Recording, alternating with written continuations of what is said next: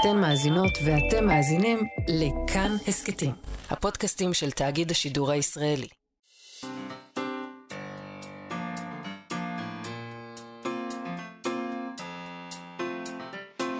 מה שכרוך עם יובל אביבי ומה יעשה לה. שלום, צהריים טובים, אנחנו מה שכרוך, מגזין הספרות היומי של כאן תרבות. כל יום ב-12 בצהריים בשידור חי אפשר להזין לנו ב-104.9 או ב-105.3 FM, ואפשר תמיד למצוא אותנו בהסכתים בכל שעה שתחפצו. מה יעשה לה? לא כאן היום, עורכת התוכנית שלנו היא נועה בן הגיא, על הביצוע הטכני, אלה נדיונוב. מעוניינים להיות רגועים? נשמו בעדינות אל מול הלהבה הקלילה המבצעת בנחת את עבודת האור שלה. ככה מציע לנו גסטון בשלר בספר להבתו של נר, והוא כותב ככה, בזמנים רחוקים, בזמנים רחוקים כל כך שהחלומות עצמם כבר שכחו, להבת הנר עוררה בחכמים מחשבות. היא העניקה אלפי חלומות לפילוסוף הבודד. גם אם הידע הצפון בספרים, בספרים העתיקים כבר מת, העניין בחלימה נותר בעינו. אנחנו נדבר היום uh, על הספר הזה עם מור קדישזון, שהיא מתרגמת שלו, uh, וננסה להבין מה יש בלהבה הקטנה הזו שמקפל בתוכה את הכל בעצם. נדבר גם עם המאיירת, נועה כץ, על ספר הרבייה. מדריך מאויר לחינוך מיני עכשווי. זה נראה בימינו משימה אדירה שדורשת יכולות התחמקות מרשימה אה, ממוקשים. ננסה להבין איך היא עשתה את זה, למה זה אפשרי יותר ביור ומדוע צריך מדריך מאויר לחינוך מיני. נדבר גם עם אילן גורן על מותר, ספר שלו שבו הגיבור, עיתונאי ישראלי, פוגש צלמת רוסייה, והם בונים ביחד בית בצרפת, רומן קוסמו-פוליטי, אבל אז מגיע הרגע שבו כל מה שהיה נדמה יציב, מתפורר. וזה קורה במקביל לרגע שבו העולם שכולנו חשבנו שהוא יציב, התפורר בחסות מגפה בינלאומית. ולפני כל אלה, הפינה שלנו, ועיקרן תחילה. זאת הפינה שבה אנחנו מעניקים לספרות את האפשרות להגיב על ענייני היום. בצל כל מה שמתרחש כרגע בארץ, באתר ynet סיקרו בשבוע שעבר אה, סקר, סקר מיוחד של עמותת דלפיס, עמותה למען יונקים ימיים בישראל. זה סקר שבחן את בתי הגידול האפשריים שבהם יוכלו להתקיים כלבי ים לאורך חופי ישראל. הם כותבים בידיעה הזאת שלאחר היעדרות של כ-50 שנה מאזור ישראל, בשנת 2010 התקבל דיווח מצולם ראשון של כלב ים נזירי ים תיכוני מול חופי הארץ. מאז ועד היום, מין זה נצפה באזורנו עוד כמאה פעמים. התיעוד הראשון גרם לשמחה גדולה, ומאז חוקרים החלו לחשוב כיצד ניתן לגרום לכך שבעל החיים המיוחד הזה ישוב אלינו באופן קבוע ויהיה חלק מהמערכת האקולוגית בחופי ישראל. החוקרים הסיקו כי קיים מחסור במערות המתאימות לאורך חופי ישראל. זאת לאור קריסה של צוקים, הצפות שנגרמות מעליית פני הים ועלייה בתיירות.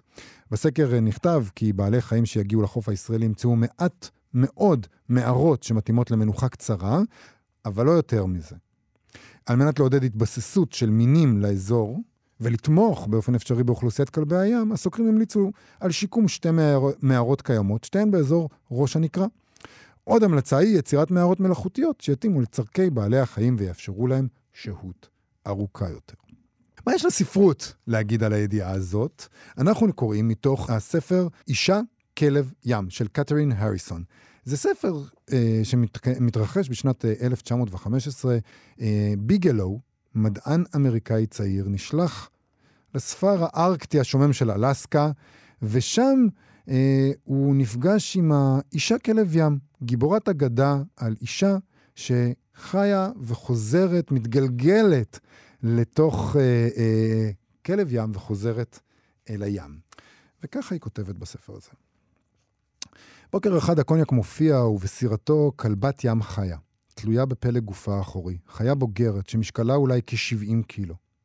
הוא קשר אותה מעל החרטום כמין פסל הפוך. ביגלו רואה את היופי המוזר והמסתורי של עיניה, שחורות ורטובות ונוצצות מוקפות פרווה כהה. לא שהוא רגשני, אבל החיה נראית כאילו היא בוכה. השוודי משמיע קול חנוק, שיעול של צער או של שאט נפש, ואולי הוא רק מקעקע בגרונו. ביגלו לא רוצה להביט בכלבת הים, אבל אינו יכול לגרוע את עיניו ממנה. הוא שואל בצ'ינוק, בשביל מה זה? לפחות זה מה שהוא חושב שהוא אומר. כוונתו לשאול, למה? אבל הוא כמעט נואש מפיג'ין, מילים שאינן מביאות לו שום תועלת. הקונק לא עונה, הוא יורק על טבעתו ומבריק אותה על שרוול חולצתו. בטח נלכדה ברשת, אומר איש המעיים, ומורה בידו על מטען הדגים, שרבים הם גופם מושחת, שסוע ונגוס. ביגלוט סבור שיש משהו לא טבעי בכלבת הים. הדרך שהיא מוותרת, נכנעת. דומה שאין היא עייפה די הצורך להיות פסיבית. העיניים הללו, כה שחורות ומבריקות ומסתוריות. בשעה שהוא מסתכל בו הוא מרגיש שאילו ניסתה היה בכוחה להימלט.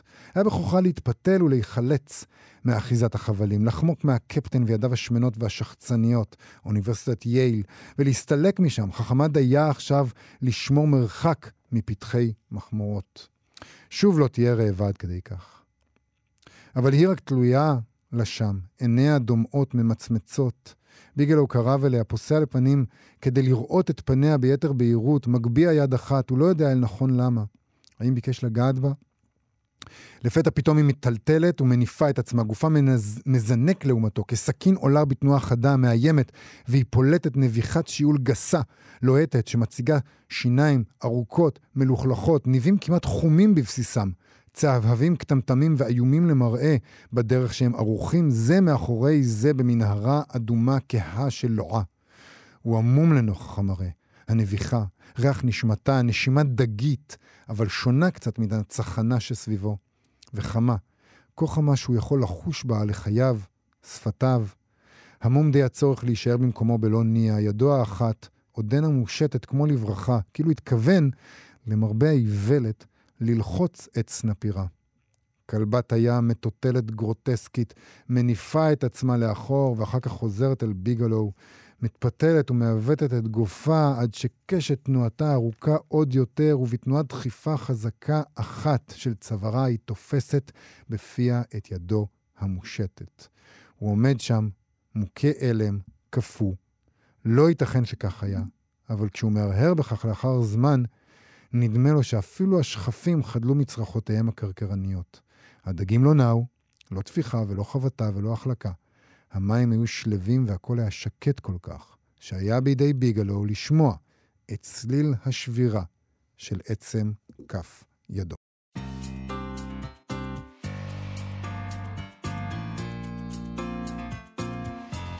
מה שכרוך בכאן תרבות, חזרנו. עם הדימויים הספרותיים של הלהבה, הסוריאליזם יכול להיות בטוח למדי שיש לו אחיזה במציאות. הדימויים הפנטסטיים ביותר של הלהבה חוברים להם יחדיו. הם הופכים, בזכות סגולה יתרה, לדימויים אמיתיים. כך כותב גסטון בשלר בספר להבתו של הנר. זה ספר שמבקש לחזור אל היסוד של האש ולהבין מדוע הוא כל כך מרכזי להוויה שלנו. מה אנחנו יכולים להמשיג לעצמנו מול להבה. מול אש. ואולי זה לא אותו דבר, להבה ואש. תכף אנחנו ננסה לברר את זה. בתוך הלהבה הוא מוצא בעצם את הכל. גם את החלל האינסופי, את הכוכבים, את מערכת השמש, אה, וגם את הבית המואר, וגם את נפש האדם. באמת באמת הוא מוצא שם את הכל. הספר הזה יוצא לאור בהוצאת בבל בסדרת אנימה מונדי, שאותה עורכת מור קדישזון, שתרגמה גם את הספר וכתבה לו אחרית דבר מאירת עיניים סליחה על משחק המילים. בסדרה הזאת כבר יצאו ספר, אה, ספריו של ג'יימס הילמן, שדיברנו עליהם כאן בתוכנית, וגם הספר של בשלר, הפואטיקה של החלל, ואיתנו עכשיו, שלום מור קדיסון. היי hey, יובל, ותודה תודה על העניין ועל ההזמנה. זה ספר, קודם כל צריך, אני, אני צריך להגיד, זה ספר מהמם, אבל יש תחושה, אתה יוצא ממנו בתחושה שאתה רוצה שכל משפט נגע לך בול, אבל לא הבנת אה, למה, אולי, לפעמים. או שהבנת בלי להבין, זה גם דרך להבין. Uh, אני מקווה שזאת הפרשנות הנכונה, uh, אני לא בטוח בקשר אליה, בקשר לעצמי, אבל מי ידע... הנה, אני נגע לך, הוא נגע. אני לא תיארתי לעצמי. שלהבה של נר יכולה להיות uh, דבר כל כך מורכב, שאפשר לראות בו כל כך הרבה דברים. אולי זה סוד חוסר ההבנה. אתה לא מדמיין לעצמך, אבל כשאומרים לך, יש בזה את זה, ויש בזה את זה, ויש בזה את זה, אתה אומר על כל דבר, נכון, באמת יש את זה שם. איך יכול להיות שפספסתי את כל הדברים האלה עד עכשיו? אז קודם כל באמת צריך להיות כנראה בשלר uh, כדי בכלל uh, לעלות על הדעת, להקדיש ספר שכל כולו מדבר על להבה אחת של נר. זה באמת uh, רעיון יוצא דופן ונפלא. ואני חושבת שהוא מצא שם הכל, קודם כל בזכות המבט הפואטי, שזה מה שבכלל uh, מאפיין את בשלר תמיד. Uh, להתבונן פואטית בכל דבר, בכל תופעה בעולם, בחיים שלנו, וגם נראה לי שאתה מסכים והסכמת עם, או שנגע בך כל מה שהוא אמר, כי החיים שלנו והחיים של הלהבה, או החיים שלנו והחיים של העולם, או החיים שלנו והחיים של תופעות העולם, יש בהם המון מהמשותף. אנחנו חולקים אותם יחד פה, וזה הקסם. גם הלהבה היא דבר משותף. זאת אומרת, נכון. אנחנו יכולים לדבר שפות שונות, אה, אנחנו יכולים אה, אה, לבוא מעולם מושגים אחר, מתרבות אחרת, אבל היסודות, לא סתם קוראים להם יסודות, הם יסודות של כולנו. אדמה, מים, אש, אלה דברים שמולם אנחנו חיות קצת יותר פרימטיות, קצת פחות מתוחכמות ומבוססות תרבות. Um, אני לא יודעת מה זה מבוססות תרבות, בוא נגיד, ש... בוא נגיד שבשלר קרא לה יסודות ההורמונים של הדמיון, והוא קרא להם דרך המלך, שדרכם אנחנו יכולים בעצם להתוודע לשיתופיות העצומה והבאמת אוניברסלית, שכולנו חולקים מול... מולם, זאת אומרת, אה, המים והאדמה והאש והאוויר בסגנונות שלהם, יש להם את השפה שלהם, ואנחנו, אם אנחנו קשובים מספיק, אז אנחנו יודעים לשוחח איתם, וזה לא משנה איפה אתה ובאיזה תקופה אתה חי, הם פשוט פה, ו... מדברים. וגם בציטוט אה, שקראתי, שהוא קצת מנותק מהקשר, אבל, אבל נדמה שהוא מנסה להגיד שהלהבה, ואולי שאר היסודות גם, אבל יותר מכל הלהבה, כי הרי הוא, הוא, הוא התחבר אליה יותר מאשר לשאר היסודות. Uh, הלהבה היא דבר שמחבר בין העולם המופשט למוחשי, בין הדמיון לחומר. אתה מתבונן בלהבה, עולים לך כל מיני אה, דמיונות סוריאליסטיים, כמו שהוא כותב, אבל יש, הלהבה היא החוט שמחבר אותם למציאות. בלעדיו, אנחנו אולי מתנתקים והופכים להיות משהו שאי אפשר להכניס אותו בחזרה לעולם. נכון, וכמונו גם הלהבה, זאת אומרת, לא רק אנחנו חרדים, גם הלהבה חרדה, ולא רק אה, אנחנו נולדים וגוועים, גם הלהבה נולדת וגוועת. אז מצד אחד. מצד שני, היא מכריחה אותנו לדמיין, היא שולחת אותנו לעולמות אחרים, ואני חושבת, בגלל זה בשלר כל כך אה, ככה מצא את הפינה האינטימית איתה. אה, תחשוב גם כמה במשך עידנים בני אדם פשוט בילו בקרבת נרות, זה לא דבר של מה בכך. במיוחד בוא... יוצרים, נכון? אנחנו יושבים מול, מול שולחן, בחדר עבודה באחת יוצרים, המאות הקודמות. יוצרים, פילוסופים, כותבים, כן. ונראה לי גם לתפור גרב היה צריך, אתה יודע, באיזשהו שלב חור בגרב, היה צריך נרות. הנרות היו פה עידנים. אמ, אנחנו נורא מהר שוכחים את זה, אבל יש לנו עבר מאוד מאוד אינטימי איתם, ועם האור שלהם, עם אור אה, שהוא מאוד מאוד רך ועדין. וזה גם אומר שההתרחשות היא בלילה. זאת אומרת, זה אומר שהעולם כבר החשיך. ומה שמאיר אותו הוא אמנם נכון, הוא מלאכותי. נכון, דבר מאוד חשוב מה שאתה אומר פה. נכון. אה, ובעצם אנחנו נמצאים במקום הזה, בעצם אקס-טריטוריה של הזמן. אנחנו מתקיימים כשהשמש עולה לשמיים. והנה האור, הלהבה המבויתת.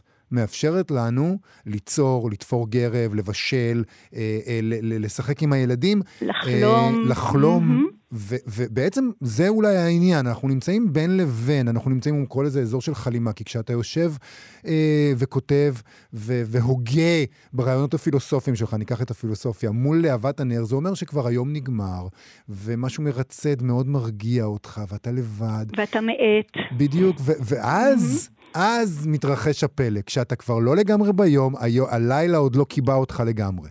מסכימה לגמרי, בגלל זה גם אה, אני חושבת שזה כל כך חשוב, אה, אף על פי שככה על פניו אפשר להגיד מה, מה לעזל עכשיו ספר על נרות, אני חושבת שבדיוק הרגע הזה של ההאטה וההתבוננות, הוא כל כך אה, קריטי, כי נראה לי, אתה יודע, בלי הבדלי דת, גזע ומין, כולנו נתונים עכשיו לתנופת האצה בלתי נתפסת. ולכולנו יכול לעשות טוב להאט שנייה. וכן, למצוא את הבדידות הטובה הזאת, יש שם בדידות אה, יפה וטובה, זוהרת. נכון, הוא מדבר הרבה על הבדידות. זה, אה, אה, כל הספר הוא בעצם החוויה, בסופו של דבר, הוא כותב על המון המון כותבים אחרים, הוא מצטט מתוך שירה ומתוך הגות, אבל בסופו של דבר, אתה מרגיש שיש שם חוויה מאוד אינטימית שנכנסת אליה, מאוד, הבדידות מאוד, של, מאוד, שלו מאוד ספציפית. אינטימית, וגם זה אולי אחד הספרים הכי אינטימיים שבשאר כתב. אולי נציין שהספר הזה בעצם הספר האחרון שהתפרסם בחייו. הוא התפרסם שנה לפני מותו, ואני חושבת שאפשר לחוש, או אפשר להרגיש איך ככה לקראת סוף החיים הוא התכנס אל ה... הוא ככה התחיל 30 שנה קודם עם הדמיון הפואטי, הוא כתב על האש, וזו הייתה אש מכל הסוגים, גם האפוקליפטית והזועמת והגדולה והרי הגעש, והנה, לקראת סוף חייו הוא ככה התכנס אל הלהבה הקטנה, הבודדה, ויש שם הרבה הרבה כישוף אה, של, של סוף חיים של בן אדם שבאמת הקדיש את חייו לרוח. זה מאוד ניכר. זה נכון, זה מאוד ניכר שם, ויש עניין, דיברת מקודם על זה שכולנו זקוקים להאטה בגלל שאנחנו בהאצה, ובמובן מסוים זה בא לידי ביטוי בספר, כיוון שהוא מזכיר את זה, וגם אנחנו יודעים את זה, אין לנו יותר נרות. אנחנו עבדים של החשמל. רגע, אה, רגע, רגע, עכשיו אחרי שקראת את הספר, בטוח יש לך נרות בבית. לנו תמיד היו נרות אה, בבית, אבל לא. בזכותי צריך להגיד, לא בזכותי, בזכות זוגתי שמאוד אז אוהבת אה, היא נרות. מבינה עניין. היא מבינה עניין, וגם אה, צריך להגיד שאצלנו בבית בכלל, האור החשמלי הוא מאוד מועט. אני אגיד אה, על, על זוגתי, אני לא יודע אם היא רוצה עד כמה אני אחשוף אותה, אבל כשהיא נכנסת לחלל שהוא מואר מדי, הרבה פעמים אוי, בקניונים... אוי, רגע, אני יודעת מה ההמשך של המשפט. כן. לא, יש בתים שאני לא יכולה להימצא בהם יותר משמונה דקות, זה כן. כאילו גג, זה שיא כן. הקיבולת שלי, ברור, אני חוטפת דיכאון, בחילה, ייאוש. עד כדי כך שאתה הולך בשדרה ברחוב, אתה מביט לתוך אה, בית שמואר מדי, ואתה אומר, איך הם חיים ככה? טוב, אז אה, זה נשמע כאילו משפט שנאמר מפי. זה, זה אחד הנושאים שהכי אה, אה, נוגעים עמוק בליבי. אני פשוט מסתכלת על אה, מרפסות, על סלונים, ואני פשוט לא, לא, לא מבינה את רמת החוסר, תשומת הלב ה- העמוק שבאמת, שאנשים אז מה נותנים קורה בתאורה לנו בעידן שבהם הם החשמל? חיים. מה קורה לנו לפי מה שהוא אומר? הוא גם כותב על זה, אנחנו, אנחנו בעידן החשמל, אנחנו בעידן שבו האור, וגם, צריך להגיד, כש, כשיש לך נרות מתכלים, אז אתה משתמש בהם בתבונה. החשמל, אתה יכול פשוט להדליק את כל האורות, וזה יעלה לך חצי שקל יותר אה, אם אתה מחשב את זה. וואי, מה קורה לנו? זו אחת השאלות הכי גדולות. קודם כל, אנחנו מאבדים את הלילה. אני לא יודעת אם אתה שם לב, אבל פשוט מאבדים את החושך, מאבדים את הלילה, וזה נראה לנו נורמלי, זה נראה לנו הגיוני, שהחושך הוא מין איזה דמדמות קטמטמה כזאת, אה, ואין שום העמקה אל תוך העלטה. אפשר לדבר על זה, אתה יודע, שנים יש אנשים שמקדישים את חייהם ל- ל- לשמור לנו קצת אה, פיסות, פיסות שמיים אה, שחורות, זה דבר נורא נורא. אנשים חושבים, אוקיי, מה, בסך הכל קצת פנסים ברחוב, אבל בעיניי זה דבר ענק. וזה נורא משונה, כי הרי אני חושב שזה משהו גם כן מאוד מאוד אנושי. אה, לא כל בני אדם אולי, אבל אני חושב שהרוב, כשהם נגיד פתאום מגיעים למדבר, והם רואים את כל הכוכבים, הם מרגישים הקלה. ולמרות זאת, למרות שהם יודעים שזה הקלה, בחיי היום-יום שלהם הם לא מעוניינים להפוך את העיר למקום קצת פחות מואר. הם אומרים לעצמם, אני לא יודעת אם הקלה הם הזאת לא זה חופשה. מעוניינים, אני לא חושבת, לא מעוניינים זה, זה קצת קשוח מדי, אני חושבת שהם פשוט באופן כללי אנחנו טובלים באיזו שכחה מאוד מאוד גדולה, שלוקה בקהות חושים מאוד מאוד גדולה. אני חושבת שאנחנו פשוט שוכחים. כשאנחנו מגיעים למדבר אנחנו נזכרים, וואו, אנחנו קודם כל נזכרים בפלא הגדול הזה שנקרא העולם והקוסמוס, ומערכת השמש, מהגלקסיה, שביל החלב, אתה יודע שהיום כמעט... באירופה 80% מהתושבים לא יכולים, אין יותר לראות, הם לא רואים היום את שביל החלב. אתה יכול לדמיין דבר כזה? שהם פשוט כבר לא רואים את שביל החלב? אי אפשר לראות אותו. גם פעם הבנו, פעם ידענו מהם הכוכבים. היום ילדים, מה זה ילדים? אני, אני לא יודע כלום. אם אני מגיע למדבר ואני נכון. מסתכל על השמיים, אין לי מושג. אז אני חושבת שכשאתה מגיע למדבר, אתה קודם כל נזכר. אני חושבת שקודם כל הדבר הראשון הוא היזכרות. אבל זה נורא מפחיד גם, צריך להגיד. זה מאוד מאוד מפחיד, ואולי זה המקום קצת לדבר על ההבדל בין להבה לאש. כיוון שלהיות אה, יותר פרימטי, זה להיות יותר מאוים מקטנותך מול הטבע. אמ, טוב, אתה יודע שזה נרטיב מאוד מסוים, מה שאתה מספר עכשיו. אפשר. אפשר, אפשר להתווכח עליו, יש הרבה דרכים לספר את הסיפור של איך זה להיות, נגיד, פרימט. או איך זה להיות אדם קדום או קדמון. יש כל מיני דרכים. נראה לי זה גם, זה גם המתנה של בשלר, להעמיק בדמיון ולחשוב איך אנחנו רוצים לדמיין אותנו מול האש, מול הלהבה. אז... אני רוצה, אנחנו צריכים mm-hmm. עוד מעט לסיים, אבל אני רוצה לשאול אותך רגע על הסדרה הזאת. כן. אנימה מונדי. וחשבתי על זה כשגם מול הספר האחרון שהוצאת של אה, ג'יימס הילמן, לחשוב את החיים אחורנית, אבל זה mm-hmm. נוכח גם בספר הקודם שלו שיצא אצלכם וגם אצל גסטון בשלר. אה, פתאום חשתי שהסדרה הזאת, מטרתה לתת לנו נחמה. לתת לנו נחמה באפיקים שלא חשבנו עליהם, לתת לנו אפשרות לחשוב על החיים הכאוטיים שלנו עכשיו קצת אחרת. ומעבר להגות המעניינת, ומעבר, יש פה אג'נדה, אה, לא מילה, לא יודע אם זו מילה גסה, לתת לנו, רגע, הנה רעיון שאתם בעולם הכאוטי וה, וה, והיצרני והמואר שאתם חיים בו ולא משחררים, הנה אפשרות שלא חשבתם עליה, להתנחם קצת. אז אני מסכימה עם הכל, אני גם מסכימה שיש פה נחמה, אבל זה לא הכיוון, ה, בוא נגיד, זה לא ה-main purpose. כאילו, יש, יש, לפני הנחמה הייתי חושבת על um, כיוון שהוא באמת uh, קוסמולוגי להתמקם רגע. כתוצר, כתוצאה מכך אנחנו באמת uh, מוצאים בכך נחמה, אבל המחשבה הראשונה היא קודם כל להתמקם בעולם. חושבת שאנחנו כל כך תלושים, והכאוס, כמו שאתה אומר, וכל הפוסט-מודרניזם, והמאה ה-20, וכל המורשת שאנחנו צוחבים על גבינו, והדקונסטרוקציה, והניל... כאילו, באמת פירקו לנו הכל, הכל, הכל.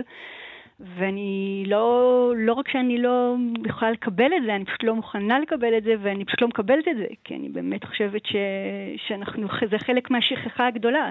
אני כן אה, מאמינה בקוסמוס אה, שיש לו משמעות, וש, ושלאדם יש משמעות בקוסמוס. שהוא בעל משמעות. אז כן, להתמקם אה, מחדש בעולם. מיקום ו... שנותן נחמה, נדמה לי שגסטון בשלר, שמדבר גם על האנכיות של, ה, של הלהבה, היה מאוד מתחבר לגמרי. להגדרה הזאת. להבתו של נר, גסטון רבה. בשלר, יצא בהוצאת בבל, סדרת אנימה מונדי בעריכתך, מור קדיסון, תודה רבה על השיחה הזאת. המון תודה לך ולכם תמיד. להתראות. צ'או.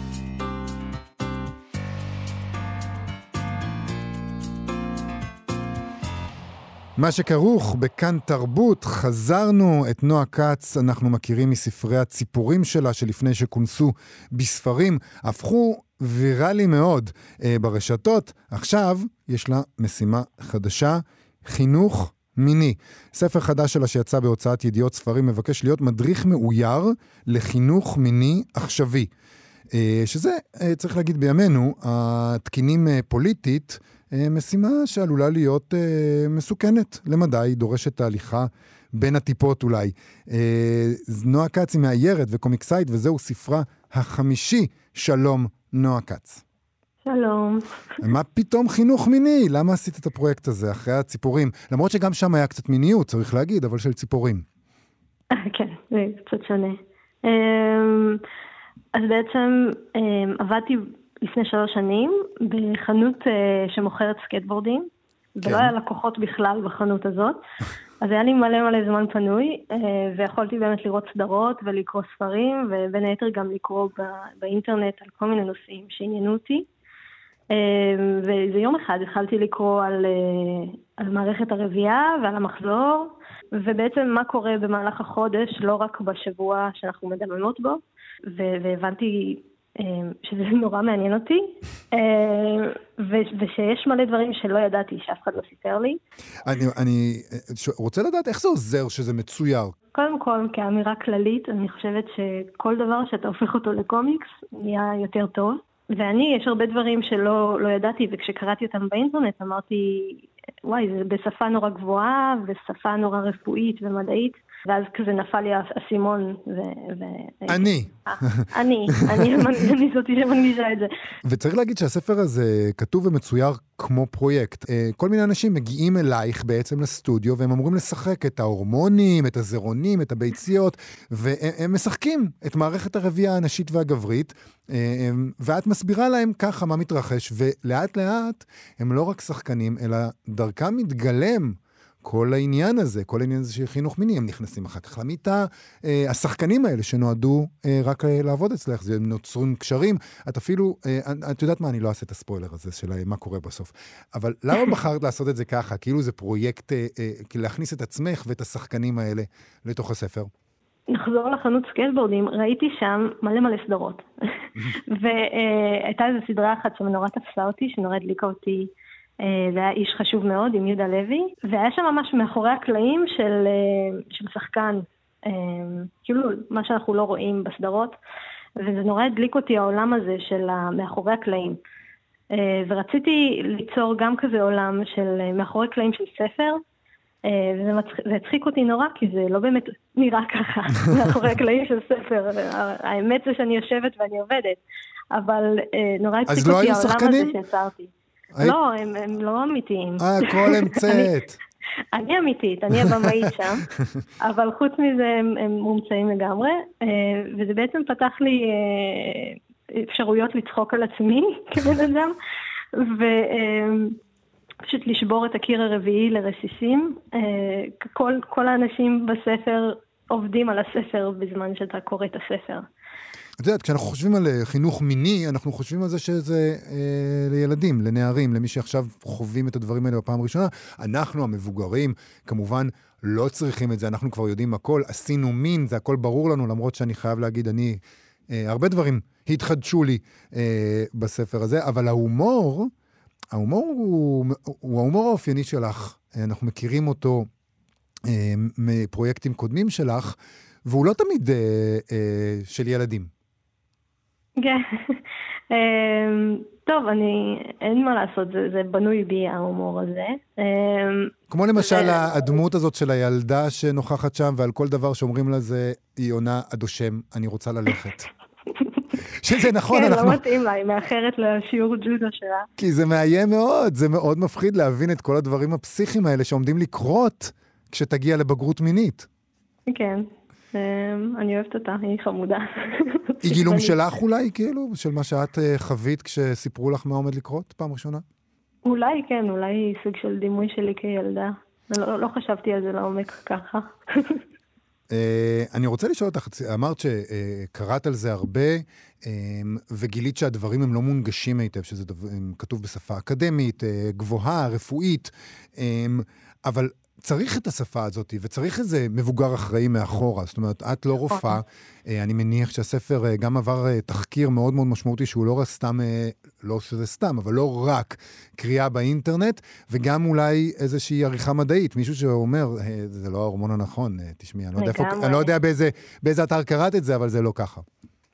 אז כן, אז התייעצתי עם אה, עורך מדעי, שהוא אה, גינקולוג ביום-יום. אה, קוראים לו דוקטור איתמר נצר, הוא פשוט נורא אהב את הציפורים, אה, והוא התנדב לעזור לי ככה ללא תמורה. נורא רציתי לשלם לו, אבל הוא אמר לי, לא, אני לא מוכן. ו, אה, ונעזרתי בעוד המון אנשים. בכל נושא בספר יש איזה מומחה תוכן, איך אומרים, צריך כפר כדי לגדל ילד. צריך כפר כדי לגדל רומן גרפי. תגידי, בהוצאה אה, לא קצת אה, חששו? הרי זה, זה, זה, זה, זה מטען, הדבר הזה, זה חבית נפץ. כולם יש להם דעה, כולם יש להם מחשבה על מה מותר ומה אסור להגיד, אה, ולא משנה, אה, בסוף את תדרכי באיזשהו אה, מקום אה, מעורר מחלוקת. בהוצאה אמרו, יאללה, בסדר, בואו נעשה את זה, למרות הכעסים שאולי זה יגרור? לא ידוע לי שההוצאה נורא אה, חששה מהספר, אבל הספר עבר כל כך הרבה עיניים, המון המון עריכה והמון אה, אה, בדיקה, ו... ובאמת נעזרתי במישהי שעזרה לי, תמר בן דוד, שעזרה לי עם כל הפן הזה של המגדר. וה... הנה, הנה מוקש. יש בספר לא מעט מוקשים. למשל, המגדר.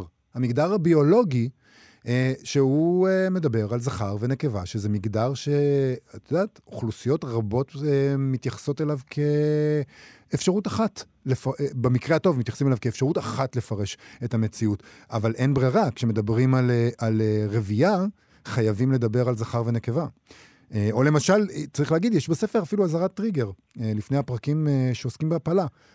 אזהרת טריגר, אם אתם לא רוצים, תקפצו לעמוד הזה והזה, שזה, אה, את יודעת, אני אפילו לא הייתי חושב על זה, אבל זה נשמע, כשחושבים על זה, זה נשמע מאוד הגיוני. לא כולם רוצים לקרוא על הפלה. נכון, גם הספר כולו הוא אה, בטון מאוד קליל ומצחיק, ואז יש את הפרקים על ההפלות והלידה השקטה, אה, שהם נורא נורא רציניים פתאום, ונורא כתובים, אה, נורא נזהרתי, נורא כתבתי ברגישות. אה, והבנתי את זה שיש הרבה אנשים שקריאה פתאום על אה, הפלה יכולה לעורר להם טריגר, אם הם חוו את זה, או אם פתאום, גם, גם אם אנשים פתאום לא רוצים לקרוא על זה ברגע זה, הם יכולים פשוט לדלג, וזה היה נראה לי מאוד אה, הגיוני לעשות את האופציה הזאת. וכן, נעשה מאמץ מאוד מאוד גדול להנגיש את הספר גם לאנשים ש... שהם טרנסג'נדרים והם א-בינאריים ושההגדרות המקובלות לא, לא מתאימות להם. אה, ובאמת ניסיתי לעשות איזה ספר נורא כוללני ונורא אה, נורא כאילו רגיש לכולם, שכולם ייהנו ממנו. אחת מההחלטות שלך במסגרת הרגישות הזאת היא יוצאת דופן, כי אה, נגיד, את לא מתחמקת מהדיון המסובך על פונדקאות. ואז פתאום יש פרק אחד שיוצא מתוך הנרטיב של הספר, ומתוך התפאורה הזאת של הסטודיו הזה, שבו משחקים את הספר שעומדים לצייר, יצאת החוצה ואמרת, הנה ראיון עם אם פונדקאית ישראלית שעשתה פונדקאות. בואו נעצור רגע את הנרטיב של הספר, אנחנו נחזור עליו אחר כך, אבל את זה אנחנו מטפלים בו אחרת לגמרי. כן, זה פתאום נהיה מין טוק uh, שואו, כן. שאני מארחת uh, uh, מישהי, תמר אילם גינדין, שהייתה פונדקאית ב-2006, אה, והיא אחת מהאקטיביסטיות אה, הבולטות ביותר בכל הנושא של הפונדקאות. אה, ובאמת, כשניגשתי לעניין הזה של הפונדקאות, לא באמת, לא ידעתי איך לעשות את זה. קראתי המון המון דברים באינטרנט ונתקלתי בריאיון איתה, אה, והיא אמרה, אל תדברו עלינו, תדברו איתנו. ואמרתי, הנה, אני מעבירה את המיקרופון אה, למישהי שעשתה את זה והייתה שם. ובו זמנית, אה, גם לא רציתי להתעלם מהדברים הרעים שקורים בפונדקאות. הצדדים האפלים של הפונדקאות בהחלט כן. נמצאים שם. נועה כץ, ספר הרביעייה, מדריך מאויר מלא לחינוך מיני עכשווי, ספר חדש, אה, אה, תקראו אותו ותחליטו לאיזה גיל של ילדים אתם אה, רוצים לתת. אה, אני מניח שגם בזה יש לאנשים אה, גישות שונות. תודה רבה לך על השיחה הזאת. תודה רבה. להתראות. ביי ביי, חג שמח. חג ביי. שמח.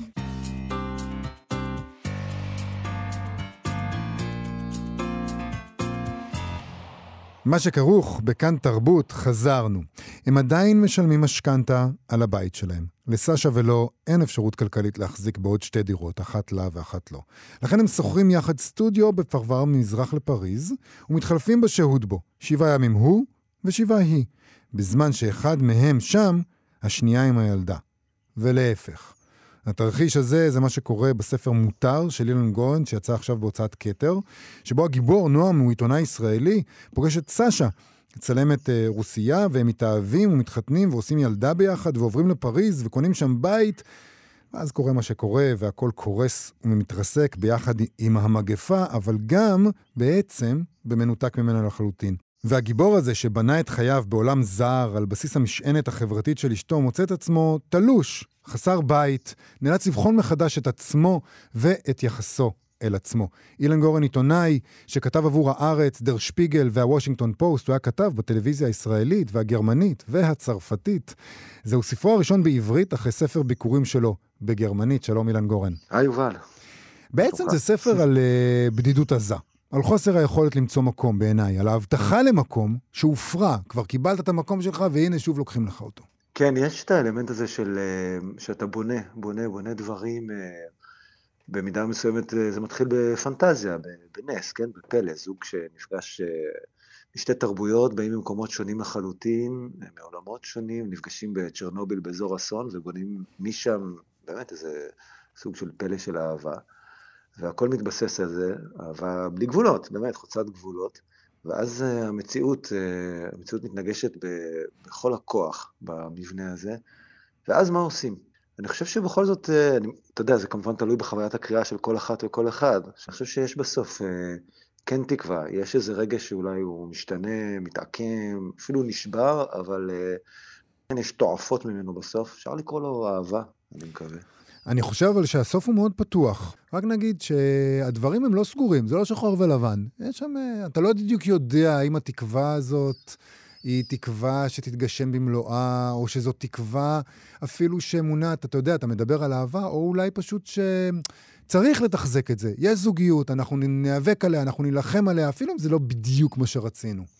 נכון, אהבה ללא תנאים או אהבה בלי גבולות כנראה שמתקיימת בסופו של דבר רק בין אה, הורים לילדים, במקרה שלי ילדות. ואהבה בין בני זוג זה, זו מלאכה, מלאכה יומיומית, אה, לפעמים אה, די מתישה ומעייפת. אני חושב שהסוף הפתוח שאתה מתייחס אליו, באמת המון אנשים שקראו, שאלו אותי על זה, דיברו איתי על זה, ונדמה לי שמה שקרה שם, ובכלל בכתיבה הזאת, שהיא נבעה ממקום מאוד מיידי, זאת אומרת, לא הייתה תוכנית לאן נגיע בסוף הטקסט, לאן אני אגיע, איך נסיים אותו, הייתה כתיבה לגמרי מבפנים החוצה, אה, שלא עקבה אחרי מבנה מסוים, ו- וככה הגיעה לנקודה שבה הרגשתי, אוקיי, פה סיימתי את מה שיש לי להגיד לגבי הסיפור הזה, אה, ו- ובאמת קוראות וקוראים יכולים להשלים את זה משם. יש המון המון פרשנויות לסוף הזה כבר, זה נכון. אני אגיד לך, יש את העניין הזה של הדמות של התלוש. הדמות של התלוש זה דמות שמאוד מאפיינת את הגבר היהודי בספרות של תחילת המאה ה-20, ואני מרגיש mm. במידה מסוימת היא חוזרת אה, בספר שלך. גבר אבוד, אה, שלא ברור לו לאן הוא הולך, ואפילו לא ברור לו מה... סט הערכים שלו. הוא, התלוש של תחילת המאה ה-20 זה, הם גלו מעל שולחן אבותיהם באירופה והגיעו בדרך כלל לישראל. ואגב, גם כאן התקווה... אה, לא תמיד אה, הוגשמה במלואה בספרים שלהם. הם הגיעו לכאן להפריח את השממה אולי, אבל אה, גילו מציאות קצת יותר מציאותית, נקרא לה, ממה שהם פינטזו עליו. אבל, אבל העניין הזה של התלוש, הגבר הזה, שאומר, אני הולך להגשים את עצמי במקום אחר, אני עוזב את כל מה שידעתי, אני הולך להגשים את עצמי במקום אחר, ואז יש מאבק מאוד גדול אה, למצוא שורשים במקום שהוא לא הבית המקורי. זה נכון, אתה צודק לגמרי, זה לא מובן מאליו, למרות שבאמת קטונתי, אני לא פוגל וגם לא ברנר, אבל אה, שמעתי מכמה אנשים שזה הזכיר להם שהיו להם הדהודים. זה נכון, מה, איך בונים זהות, איך בונים אה, מקום שלך, איך חוצבים כמעט, מקום שלך תרבותי, אישי, אתה יודע, חשבתי על זה אתמול, כי הבנות שלי אה, תבעו ממני, להפתעתי, דרך אגב, תבעו ממני לצפות במגילה של רינת גבאי. עכשיו, הן מדברות צרפתית, רוסית ועברית, שתי בנותיי, ואמרו, מה זה פורים, לא רואים את המגילה של רינת גבאי? אמרתי להם, אוקיי, בואו אולי נקרא בתנ"ך. לא, הם רצו ליוטיוב, בסדר, הם עדיין קטנות, אני מרשה להם, אבל אה, אפשר לקיים עולם תרבותי שהוא חוצה גבולות, אתה יודע, אפשר...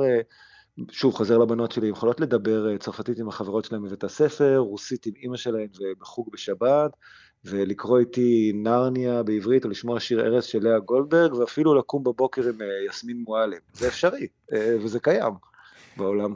תשמע, אם אתה, אתה מוביל אותנו לתוך השפה גם ברומן, השפה משחקת בספר תפקיד מרכזי. כולם בעצם חיים בשפה שאינה שפת האם שלהם.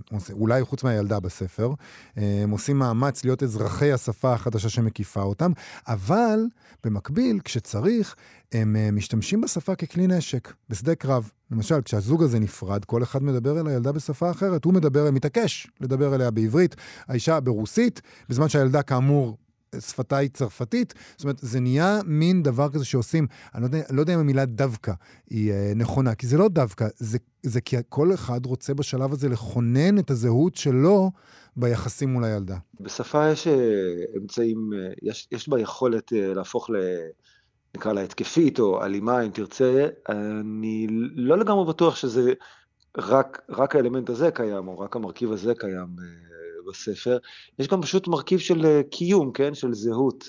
אמ, אבל זה נכון שיש אה, סצנה שהיא מבוססת על, אה, מבוססת על מקרה אמיתי, נקרא לה ככה, על נסיבות אמיתיות, שבו הגיבור אומר, טוב, מעכשיו אני מדבר עברית עם כולם, לא אכפת לי מי מבין ומי לא מבינה, עכשיו אני עובר לעברית וגם מטבל בקללות משפות אחרות מהאזור, מהמזרח התיכון, ומי שרוצה תצטרף, ומי שלא, תצטרך להתאים את עצמה. אפשר לבנות גם איזושהי שפה שהיא מערבבת את כל הדברים האלה, מין אספרנטו כזה של בית. אה, יש משפחות שזה קיים בהן, ואני חושב שגם המשפחה שלי היא אחת מאלה, אני מקווה. זה מעניין מה שאמרת על, על הגיבור שלך, כי זה, זה סוג של מחאה כזאת, אה, יש בה משהו קצת ילדותי, כי מחאות גבריות, נגיד, זה לא בדיוק מה שמוביל אותו. להיות אה, אה, קולני, להיות אגרסיבי, זה לא הדבר. הוא רוצה לפעמים, הוא רוצה לכעוס, הוא רוצה לצעוק, הוא רוצה להתעצבן. זה לא לגמרי עובד לו, והוא נשאר עם אה, מחאות, אה, אתה יודע, קצת ילדותיות, נגיד את זה. כן, קראתי אתמול uh, סירי הוסטווט, שהיא אשתו של, אבל ממש לא רק uh, פול אוסטר, נכון? כן. חוקרת וכותבת. סופרת מעולה. והיא מדברת הרבה על uh, מה קורה לגברים uh, שחיים ואחר כך כותבים על uh, חיים כ... לא יודע איך נקרא לזה עקר בית, מילה צירוף מכוער, אבל גברים שהם, uh, שהם נוכחים מאוד בחיי משפחה, והדברים לא קורים להם uh, בכך כמו שהם uh, קיוו. צריך לזכור גם ש... לא רק סופרים, אלא בכלל גברים, אה, ב, נגיד בכמה שכונות במערב אירופה, אולי גם בתל אביב ובכמה ארצות בסקנדינביה, חיים עכשיו אה, נסיבות חיים שטוב שהן מתרחשות, כן? אנחנו חיים מהפכה אמיתית אחרי לא יודע כמה אלפי דורות שבהם פשוט אנשים אה, טיפלו בהכל, ספגו הכל, אכלו הכל, ופתאום זה משתנה, ואז איפה, איפה מוצאים את הכלים? הכלים נמצאים בשפה, הכלים נמצאים בהתפרצות זעם, אין לי, אין לי תשובה טובה לזה, אני מעדיף את השפה, את המילים על, על לשבור דברים, אה, וככה גם הדמות הזאת, אבל זה נכון שזה באמת מעלה שאלות, כן, אתה מקפל כביסה או אה, מבריש איזה סיר, אה, שנדבק לו, לא יודע, בשמל, ואתה אומר לעצמך, רגע, רגע, למה עולה בי השאלה, מה זה אומר לגבי הגבריות שלי? וזאת השאלה, למה יש את השאלה הזאת? זה כנראה יימשך, הדיון הזה. כל הספר שלך, אה, צריך להגיד, מתרחש אה, במקביל למגפה. זה לא המרכז, זה מוזכר, זה, לא, זה ממש לא המרכז, אבל, אבל כן אני חושב שזה אירוע שהבליט את הארעיות והתלישות של כולנו. זה תחם מצד אחד מאוד את העולם שלנו, העצים מגבלות, אה, גבולות, אבל גם הבהיר לנו אולי שאנחנו צריכים לחקור מי אנחנו ומה אנחנו ואת היחסים שלנו עם מי שקרובים אלינו ודומים לנו או שונים מאיתנו.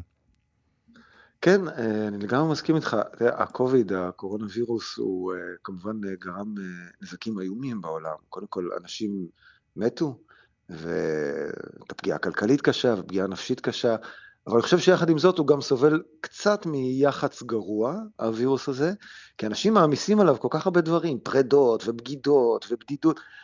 אני חושב שהמון המון דברים שהיו בחיים של כולנו קודם פשוט התחדדו עם ה...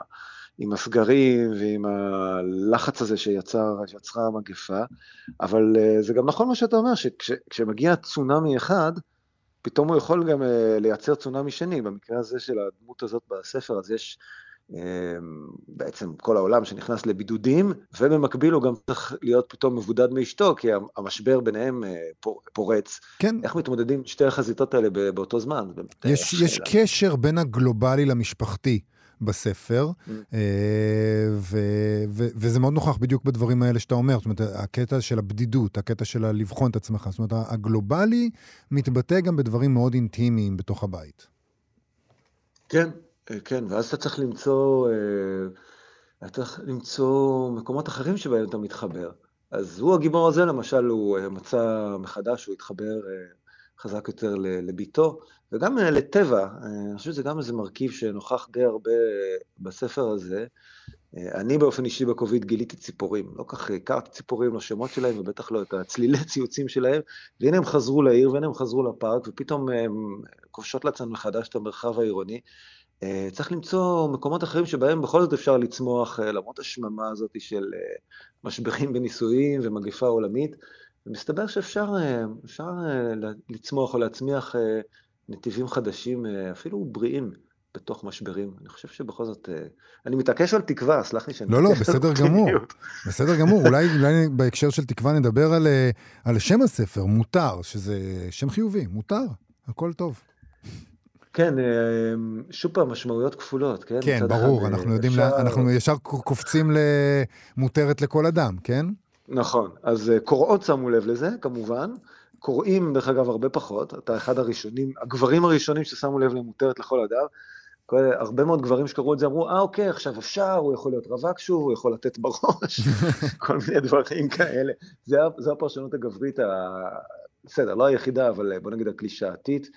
אה, כן, אבל אפשר, אפשר לבחון כיוונים אחרים, זה נכון, אה, ומותר לעשות את זה. אה, אני חושב שהגיבור הזה ניסה במשך עשר שנים להחזיק את, ה... את הפרמטרים של הנס שלו, וכשהוא מגלה שזה בלתי אפשרי, אז בהתחלה באמת יש התרסקות, אבל אחר כך אה, באה גם ההתפכחות ואיתה גם הצמיחה, כן? תהליך של אה, אבל, בסופו של דבר. לא אבל על מישהו שמת, חס וחלילה, אבל אבל על, מערכת יחסים שנשברה, ואיך יוצאים ממנה לכיוון חדש שבכל זאת מותר לנסות להגיע אליו. אנחנו צריכים לסיים, אבל אני חייב לשאול אותך, דיברנו הרבה על השפה, כן. בוא נדבר על עברית. את ספר הביקורים שלך mm. פרסמת בגרמנית, אתה חי נכון. בפריז. למה לא mm. לפרסם אותו, למה לפרסם בעברית בעצם? למה לא לפרסם אותו בצרפתית נגיד? טוב, יש רק שפה אחת שבאמת אה, יכולה לעבוד, אני חושב בכתיבה, וזו שפת אם. יש גאונים שהצליחו לעבור בין תרבויות, גאונים וגאונות הצליחו לעבור בין תרבויות ושפות, כולם uh, תמיד uh, יזכירו את נבוקו, okay, אוקיי, זה לא אני. ומלבד זה, מלבד זה באמת, המוזיקה, הניואנסים, uh, איזושהי רגשיות, איזשהו, לא יודע, לחלוכית, אם נרצה לקרוא לה כך, קיימת רק בעברית. ההוצאת ספר בגרמנית, שבכלל כתבתי אותו באנגלית, זה משהו שעשיתי בברלין עם הוצאה נורא נחשבת, זו הייתה טעות, זו הייתה טעות של כותב לא מנוסה, שנתנו לו צ'אנס ענק וגם לא מעט כסף פשוט כדי להוציא מה שבא לו, זה היה לפני 13 שנים. אתה אפילו ראיינת אותי על זה פעם בגלובס, אם אני לא נכון, טועה. נכון, נכון. ולא, צריך לכתוב לאט, בשפה שלך, צריך לחצוב את זה בצורה מדויקת ולבוא נקי. ובלי שטיקים, ואני מצליח לעשות את זה רק בעברית, אני מקווה. אילן גורן, מותר, יצא עכשיו בהוצאת uh, כתר, תודה רבה לך על השיחה הזאת. תודה לך, יובל. להתראות. להתראות.